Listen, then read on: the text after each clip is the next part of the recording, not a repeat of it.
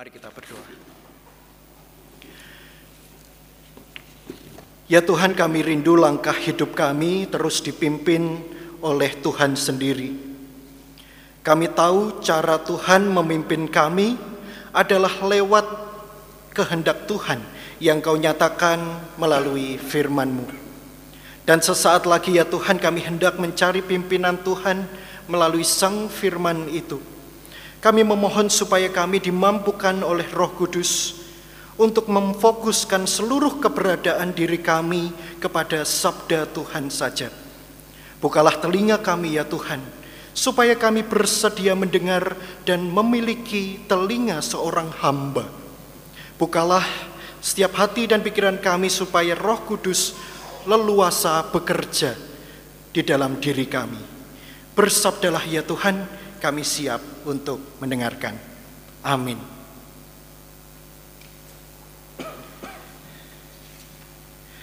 Bacaan leksionari kita pada hari ini diambil dari Injil Tuhan Yesus Kristus menurut Markus pasalnya yang kelima ayatnya yang ke-21 hingga 43.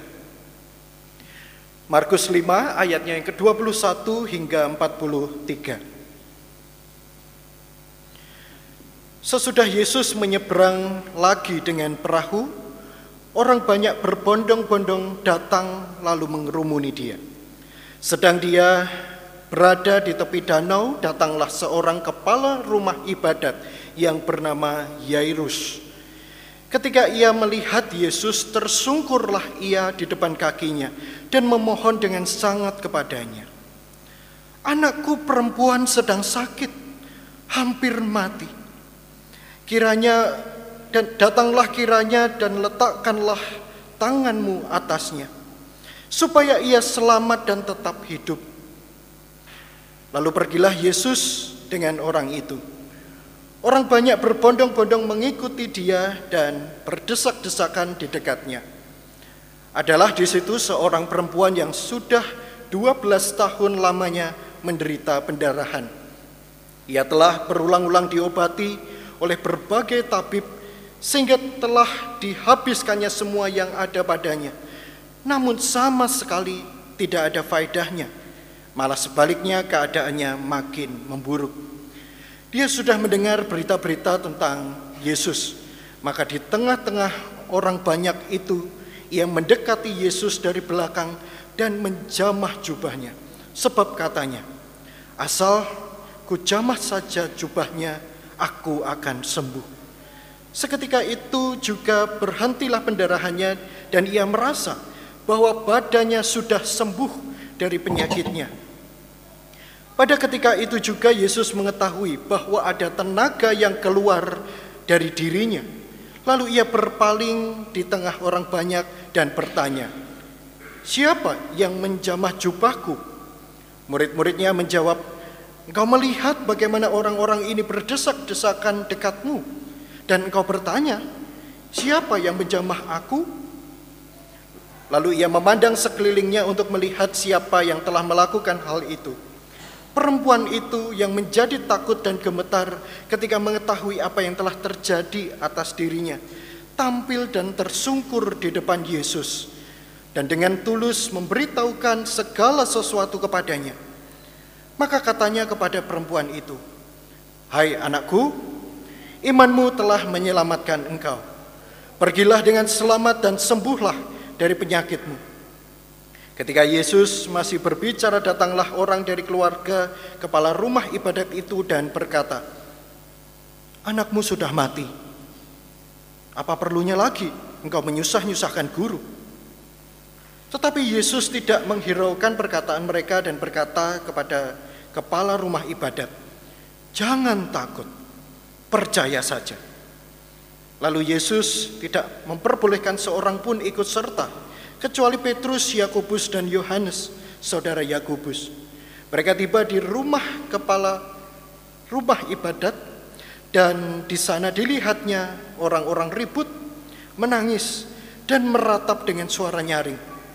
Sesudah ia masuk, ia berkata kepada orang-orang itu, "Mengapa kamu ribut dan menangis?" Anak ini tidak mati tetapi tidur. Tetapi mereka menertawakan dia.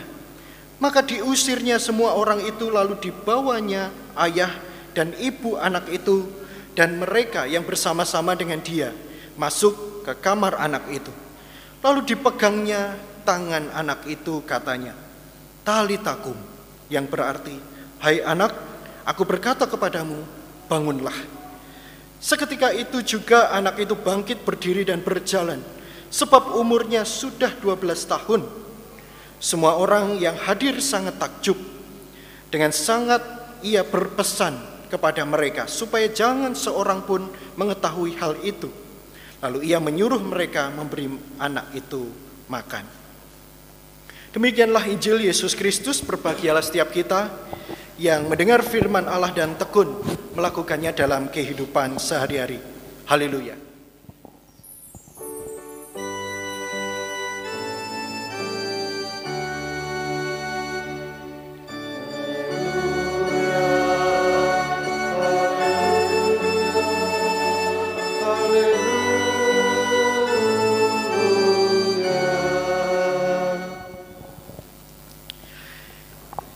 Saudara kasih Tuhan, saya ingin bertanya kepada kita sekalian. Menurut Bapak Ibu Saudara, 12 tahun itu apakah waktu yang singkat ataukah waktu yang lama? Kira-kira kalau Bapak Ibu diberi pertanyaan seperti ini, lama atau singkat Bapak Ibu? Ada yang menjawab singkat, ada pula yang menjawab lama. Oh Pak, tergantung Bapak tanya kepada siapa? Kepada anak-anak usia 5 sampai 12 tahun atau kepada orang tua yang sudah berusia 70 tahun. Bagi anak cucu kita, Bapak Ibu Saudara, coba Bapak Ibu nanti suatu saat tanyakan kepada mereka.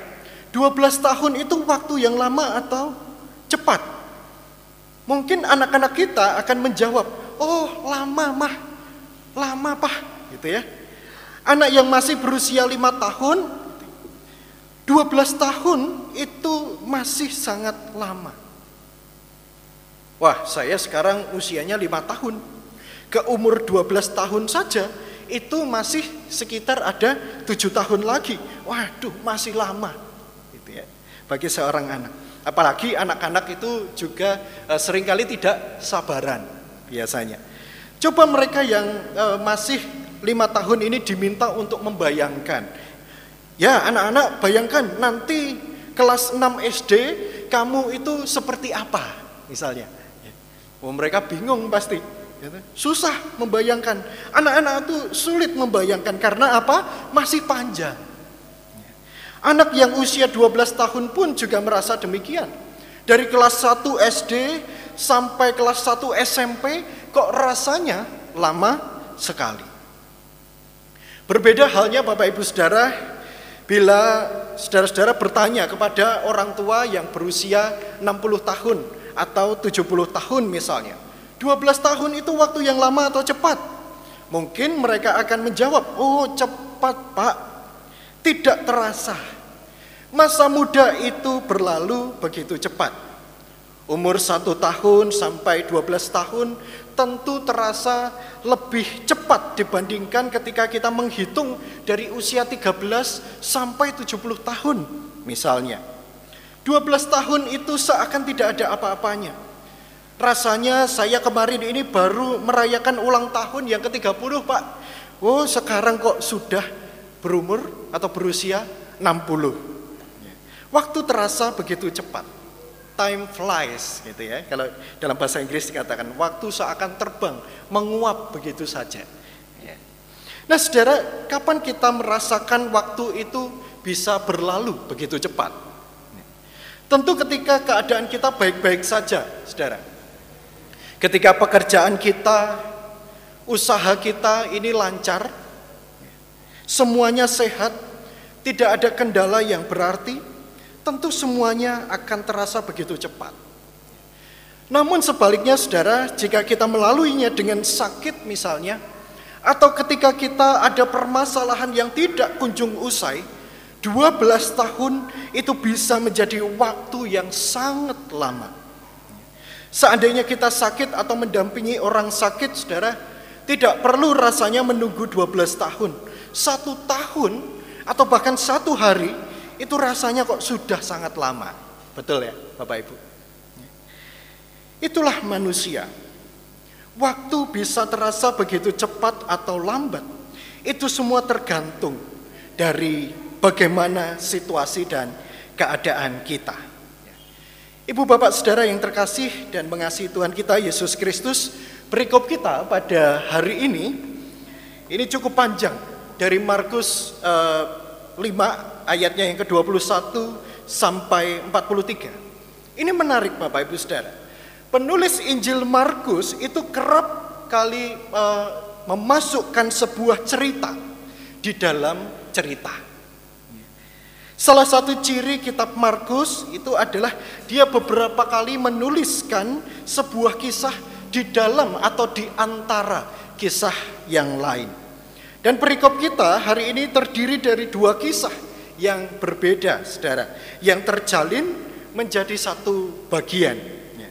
Istilahnya adalah saya menyebutnya dengan istilah uh, sandwich story, ya, atau cerita sandwich. Kita yang orang Indonesia barangkali tidak terlalu mengenal ya istilah sandwich. Apa istilah uh, apa bahasa Indonesia sandwich, Bapak Ibu? Roti lapis ya barangkali ya, yang lebih dekat gitu ya. Seperti yang saya gambarkan di sini, roti lapis. Nah, ini tebal sekali roti lapisnya. Itu kalau dari dagingnya mungkin daging babi itu, gitu ya. Ya, ini adalah cerita uh, yang berlapis, gitu ya. Narasi kita pun demikian Bapak Ibu Saudara. Dari bagian yang pertama, kita masuk dan kemudian ada sebuah selingan cerita atau kisah yang kedua. Kemudian kembali lagi pada kisah yang pertama. Ayat yang ke-21 sampai 24 menceritakan uh, seorang yang bernama Yairus. Lalu kemudian berganti ayatnya yang ke-25 sampai 34 menceritakan di sana ada seorang perempuan yang sakit pendarahan Lalu kemudian ayat 35 hingga 43 kembali lagi pada kisah Yairus. Mari kita lihat dengan lebih jelas Bapak Ibu Saudara yang terkasih. Ya. Siapa itu Yairus? Ya. Yairus itu adalah uh, salah seorang kepala rumah ibadat Yahudi. Seorang kepala sinagoge ya, yang bertanggung jawab atas seluruh penyelenggaraan kegiatan keagamaan orang Yahudi. Besar kemungkinan dia ini adalah seorang yang dikenal oleh masyarakat.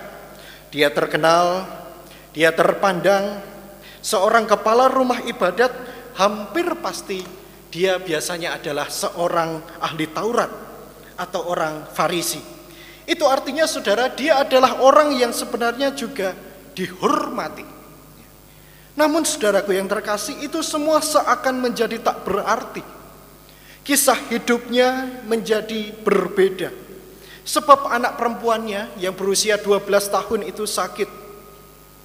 Kita mungkin Bapak Ibu Saudara eh, pernah merasakan.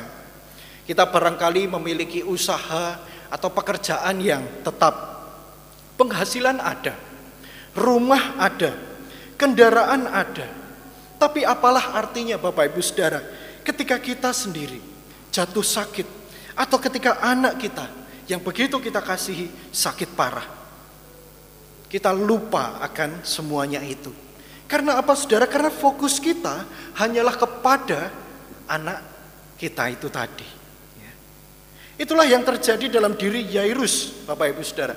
Dan yang menarik adalah di sini di saat situasi terhimpit itu datang, ketika ia tertekan oleh kondisi anaknya, teringatlah dia oleh Yesus. Jangan dibayangkan saudara ini adalah situasi yang mudah. Ya. Dia adalah seorang Farisi yang mana kelompoknya ini menganggap Yesus sebagai lawan, bukan sebagai kawan. Yesus dilihat sebagai tokoh yang tidak baik bagi mereka dan oleh karenanya Yesus juga diusir, ditolak dari rumah-rumah ibadat. Tapi kali ini saudara, Yairus mendatangi seorang yang menjadi lawan kelompoknya itu. Dia melihat Yesus, lalu kemudian menghampirinya dengan sebuah perasaan yang begitu hancur. Dan Yairus melakukannya dengan tidak sembunyi-sembunyi. Atau pada malam hari misalnya. Tetapi ia lakukan hal ini saudara-saudara pada saat siang hari. Itu berarti akan ada banyak orang yang dapat melihat dirinya mendatangi Yesus. Dia kemudian tersungkur di kaki Yesus memohon supaya dia menyembuhkan anaknya yang sedang sakit parah itu tadi. Dan kemungkinan besar saudara-saudara Yairus ini mendatangi Yesus seorang diri.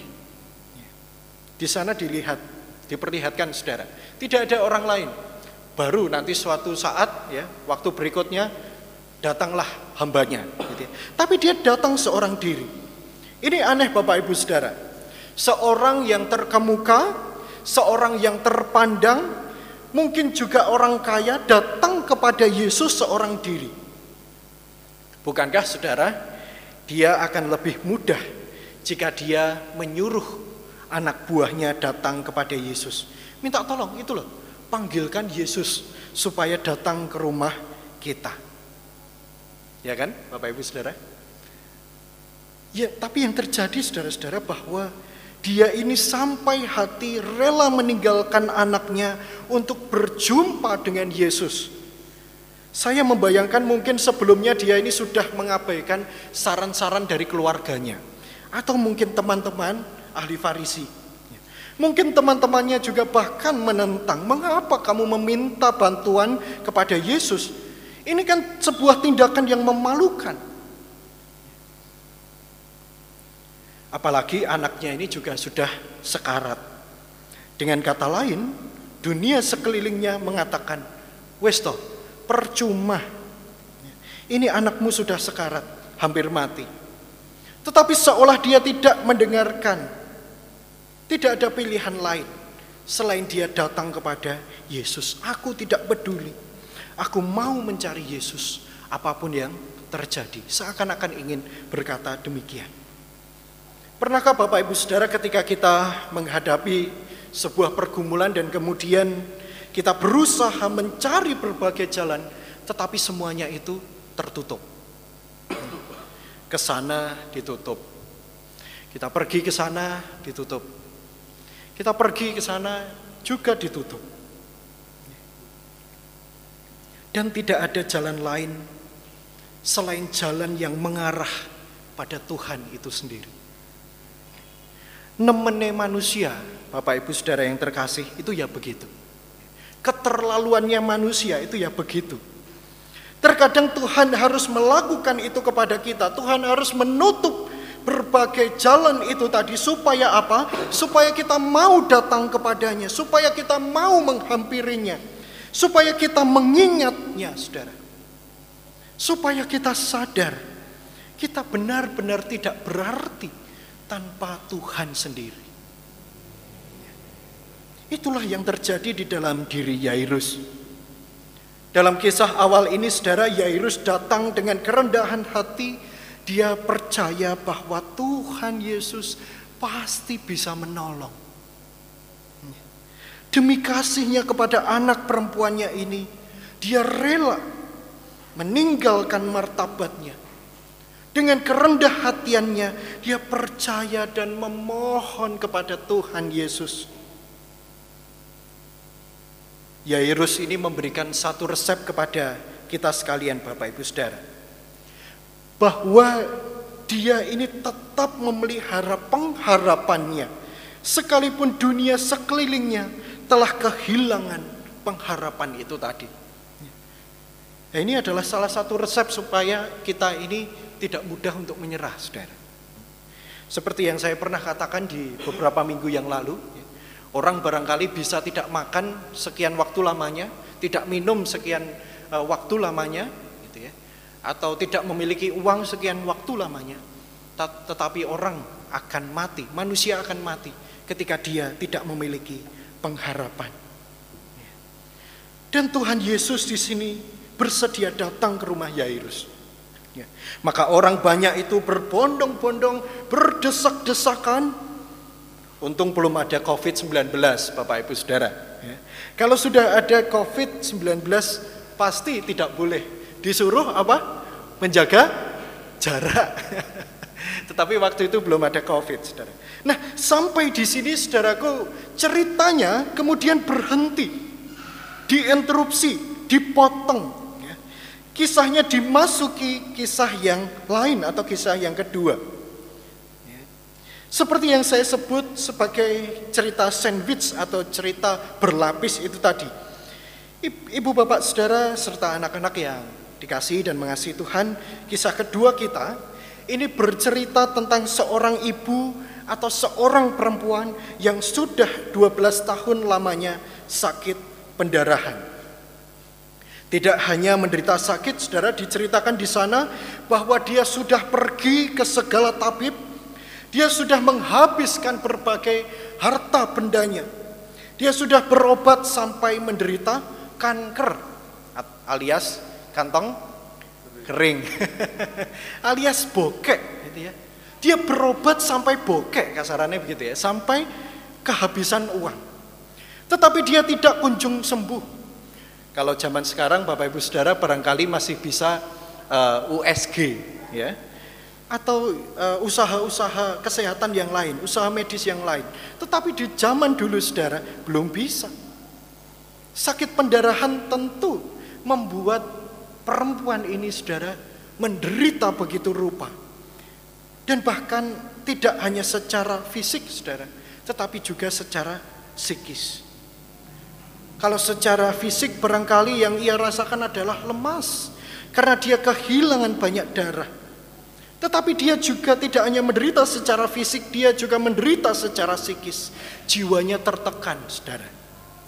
Karena perempuan yang sakit pendarahan itu pasti akan dikucilkan. Pasti akan dianggap sebagai orang yang dikutuk oleh Tuhan. Dia disingkirkan dari masyarakat karena dia dianggap najis atau kotor. Dan salah satu aturannya adalah dia tidak boleh berdekatan atau bersentuhan dengan orang lain. Karena orang yang akan disentuhnya nanti akan menjadi ikut najis atau ikut kotor. Kalau begitu Bapak Ibu Saudara yang terkasih, apa yang dilakukan oleh perempuan ini ketika dia berani berdesak-desakan di antara orang banyak, ini berarti merupakan sebuah tindakan yang nekat. Ya. Bila ketahuan, dia akan dihukum, saudara-saudara. Karena itu dia menyelinap, dia diam-diam mendekati Yesus. Karena apa saudara? Karena dia percaya asal ku jamah saja maka aku akan sembuh. Dengan berusaha sedemikian rupa akhirnya ibu ini berhasil menjamah jubah Yesus. Dan seketika itu ia merasakan kesembuhan terjadi pada dirinya. 12 tahun. Bukan waktu yang singkat ketika ia sedang sakit. Dan 12 tahun ini penderitaannya telah berakhir ketika ia berjumpa dengan Yesus. Dan Yesus merasakan ada sebuah tenaga yang keluar dari dirinya. Saudara, ini yang menarik. Ya. Di dalam ketidaksadarannya Yesus ya, ya, akan keberadaan perempuan ini, ternyata dia merasakan, dia tahu ada seorang yang juga telah sembuh. Sembari lihat barangkali ke kanan, ke kiri, begitu ya.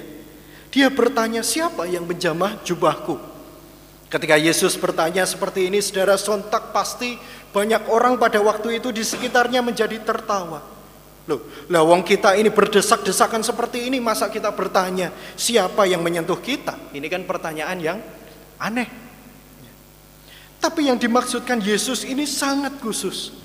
Yesus barangkali tidak ingin orang ini sembuh dan kemudian hanya berdiam diri dan menjadi kesaksian hanya bagi dirinya sendiri. Yesus tidak menginginkan itu.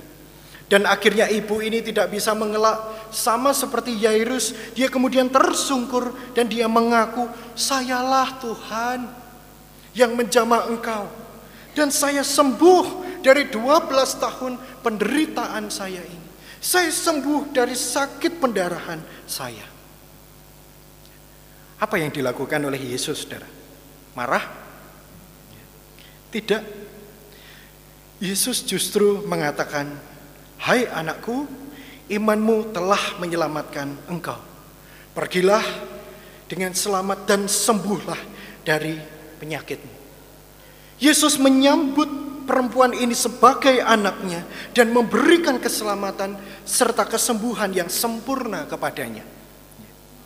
Bapak Ibu Saudara barangkali yang pernah pergi ke uh, Mojowarno, daerah Jombang, di sana ada salah satu uh, rumah sakit dan juga gereja tertua yang uh, apa namanya dibangun di sana. Ya. Secara khusus memang ini milik saudara-saudara kita dari GKJW, Rumah Sakit Kristen Mojowarno. Bapak Ibu kalau masuk dalam rumah sakit ini, ya, Bapak Ibu akan menemukan satu tulisan bahasa Jawa ya, yang diambil dari ayat kita ini, saudara. Ya. Pangandelmu kang mitulungi kowe. Ya. Atau yang artinya imanmu yang menyelamatkan engkau. Nah ini jadi sebuah kesaksian yang indah, saudara di mana kita tahu bahwa 80% yang berobat di sana, di rumah sakit Kristen ini saudara malah bukan orang Kristen. Dan setiap orang yang berobat datang ke rumah sakit ini pasti melihat moto ini. Ini adalah nilai dan pengingat bagi kita saudara. Bahwa setiap orang yang berdosa itu layak untuk disambut di dalam kerajaannya. Layak untuk disambut sebagai keluarganya. Luar biasa kasih Tuhan itu. Bahkan ketika Tuhan tidak menyadari keberadaan kita, kita pun bisa sembuh dan selamat olehnya. Nah, ini luar biasa. Jadi barangkali kita uh, pernah merasa khawatir apakah Tuhan ini mendengarkan doa saya. Lihat saudara, perempuan ini. Keberadaan dari perempuan ini saja tidak diketahui oleh Yesus sendiri. Tetapi saudara dengan iman itu, perempuan ini sembuh. Nah saudaraku, sebelum masuk dalam lapisan kisah yang berikutnya, saudara-saudara, mari kita membayangkan sejenak seandainya kita ini menjadi sosok Yairus.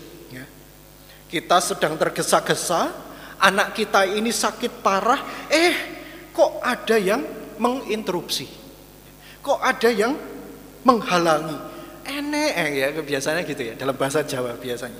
Ini kan menjengkelkan. Sesuatu yang membuat kita semakin was-was ketika kita menghadapi pergumulan.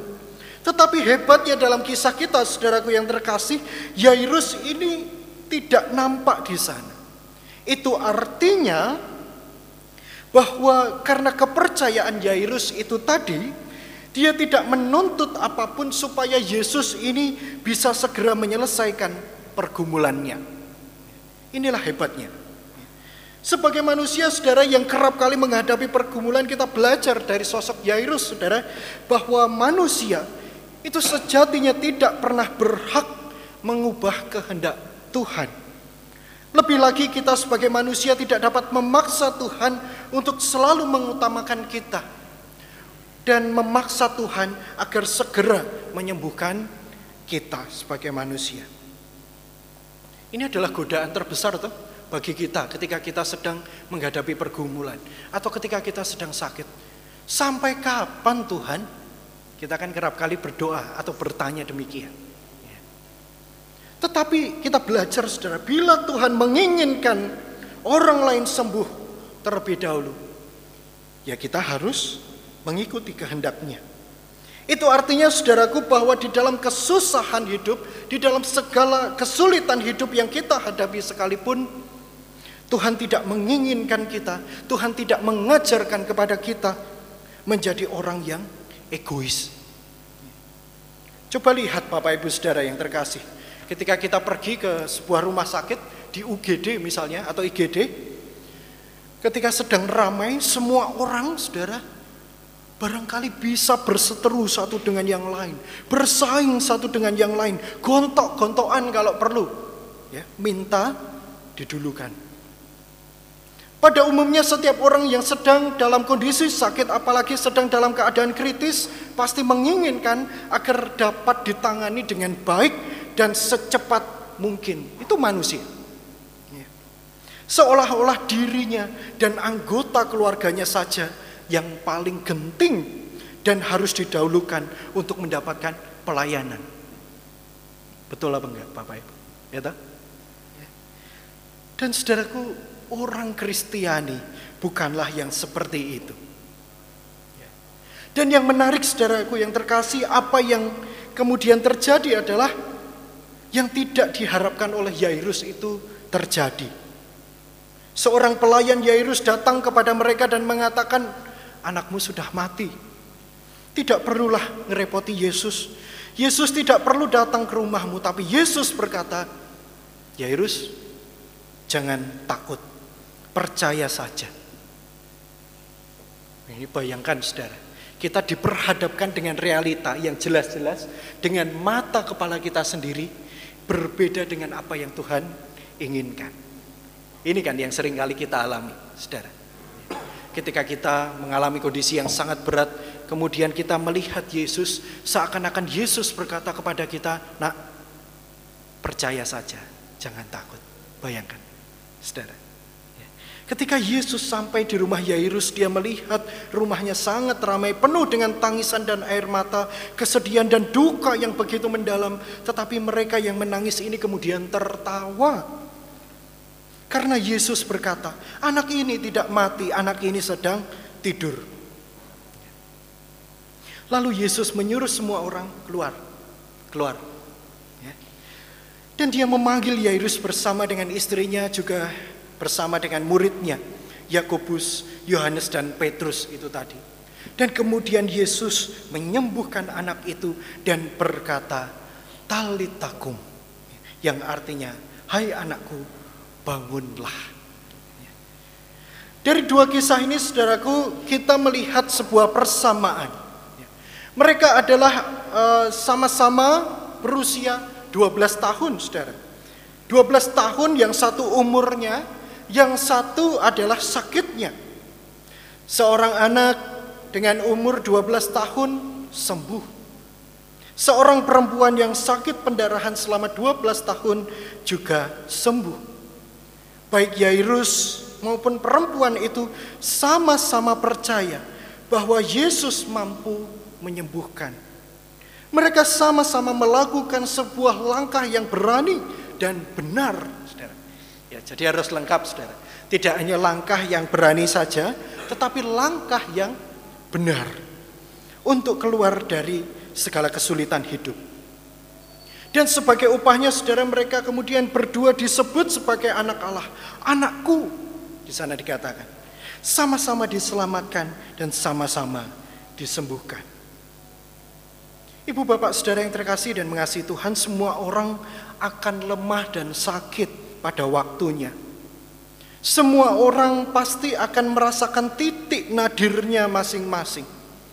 Tetapi yang menjadi pertanyaan bagi kita saat ini saudara yang paling utama dari kisah ini adalah apakah kita mau memelihara pengharapan itu kepada Tuhan sehingga kita pun tidak menyerah pada segala keadaan. Sehingga kita tetap bersemangat untuk sembuh. Sehingga kita tetap berdaya untuk melanjutkan hidup kita. Lalu mengapa Pak ada orang yang meninggal? Apakah mereka itu tidak sembuh? Oh, mereka sembuh, saudara. Ketika seorang meninggal, ia sembuh dari segala penyakit. Dalam kehidupan kekal bersama dengan Tuhan, tidak ada lagi sakit penyakit itu adalah kemenangan dari orang-orang yang terus setia kepada Tuhan. Tidak takut sekalipun kematian menjemput. Kita pun menyadari saudara, bahwa Allah kita adalah Allah penolong bagi siapa pun yang terus berjuang di dalam hidup kita.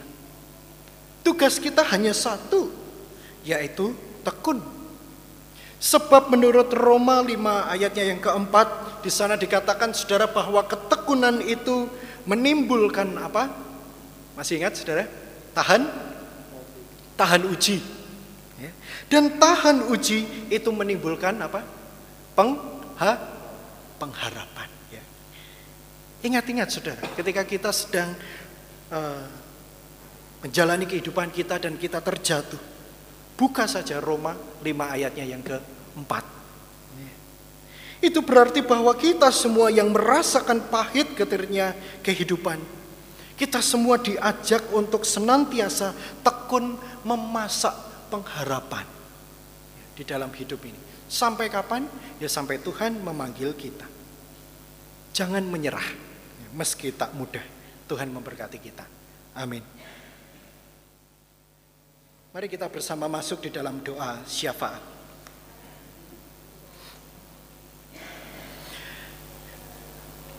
Ya Allah Bapa kami sungguh bersyukur dan berterima kasih karena Engkau telah berkenan menjadi penolong bagi kami yang lemah dan menjadi penyelamat bagi kami yang terhilang.